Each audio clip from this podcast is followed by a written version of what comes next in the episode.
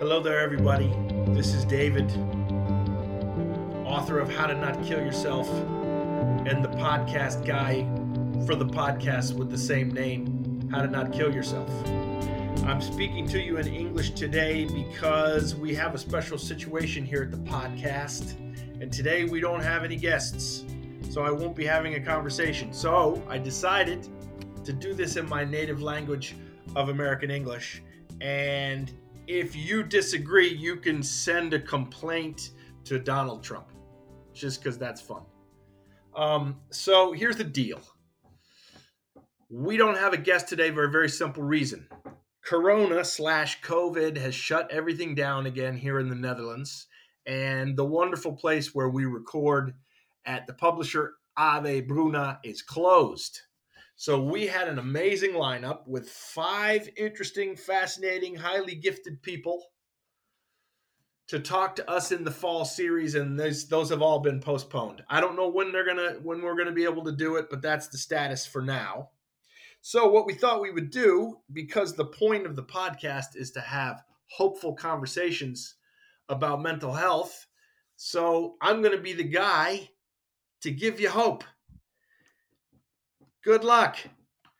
So I would just like to to share with you a little bit about where I've been with my mental health the last month, and it it it's supposed to be uplifting. Let's see what happens. So first of all, back in September, Dominique and I and the kids had to move out of our lovely home in the center of our lovely city, Utrecht, Mustadzi. And the simple reason is we could no longer afford to pay the rent. And the reason for that is COVID slash Corona has devastated my professional life. All my shows, everything's been canceled. So you can't pay the rent if you're not getting paid. So we bailed. We moved out. We moved an hour away from the city to a place where we can afford to live. And that, I can tell you, is a shock to the system. Our new house is lovely. I do enjoy it. It's nice and cozy. And we've gone from living in the big, big city to living in the big flat country. I have cornfields at the end of my street. I have cows at the end of my street. It's quite an adjustment. So, uh, so we're adjusting. That's one thing that happened in September. And then late in the month, I had some very, very sad news, which is that my beloved father, Bob, passed away after a long struggle with lung cancer. And then at the end, the end was extremely quick. And within a, literally within an amount of hours, he left he left us. He left the mortal plane. And we all and I went to Florida and my brother came to Florida and my uncle and all my family came to Florida, but we didn't make it in time, which is very sad. I miss him terribly. I miss my mother and feel for her because she's now alone there in Florida trying to rebuild her life.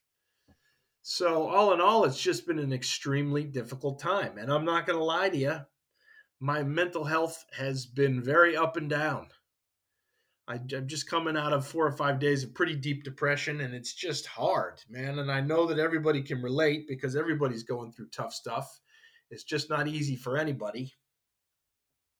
So I'm I'm fumbling around trying to find some hope, and uh, it's it's it's a struggle, man it ain't easy. Today I feel optimistic. The reason I feel optimistic today is because I don't know. I'm doing this podcast thingy, which makes me feel like we're on the mission the mission to get people to talk about mental health issues. So enjoy the little things, basically.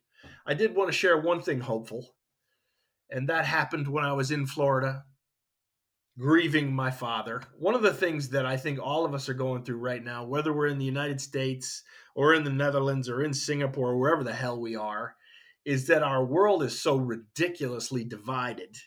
In the American context, it's easy to frame it by saying the blue state Biden people and the red state Trump people, which cuts right down the line in terms of the people who believe in the science and the people who believe and don't don't believe in science. What I think is interesting is that the same kind of thing is happening in the Netherlands, even if it doesn't have to do with a political divide.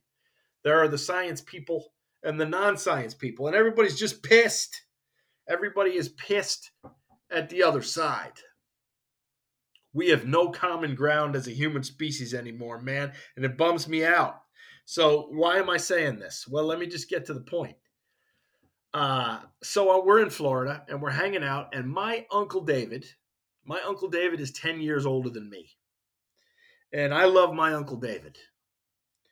My uncle David is on the other side of the aisle in the red state, blue state death match. He is indeed a Trump voter, and I am indeed not a Trump voter, and we disagree on that. And we have we have clashed a couple of times on Facebook, both publicly and in the PMs. But we kind of we kind of got through it. So now we're hanging out in Florida. We're about to go out on the golf course. His brother, my father, has just passed away, and we we got to get ourselves through four hours on the golf course without killing each other. The point of my story is this by focusing on each other as human beings, not as some animal monster who doesn't understand shit about life, by focusing on on each other as people, we actually found a way to channel the love, which might sound a little sappy and corny, but it happened.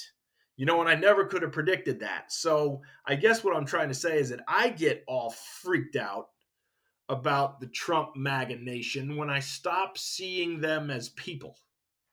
When I when I when I see them as this mass of red stupidity, which may or may not be fair, but is not helpful, is absolutely counterproductive. So what I do, this is the hope part.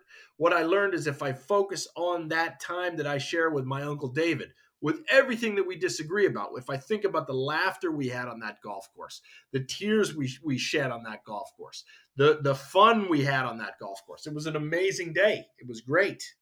And that proved to me look, let's say 98.6% of the other side, the other team, the red state or blue state, you could have that kind of a day with them, whether it's on a golf course, in a bar, taking a hike, watching a game. Who knows, man?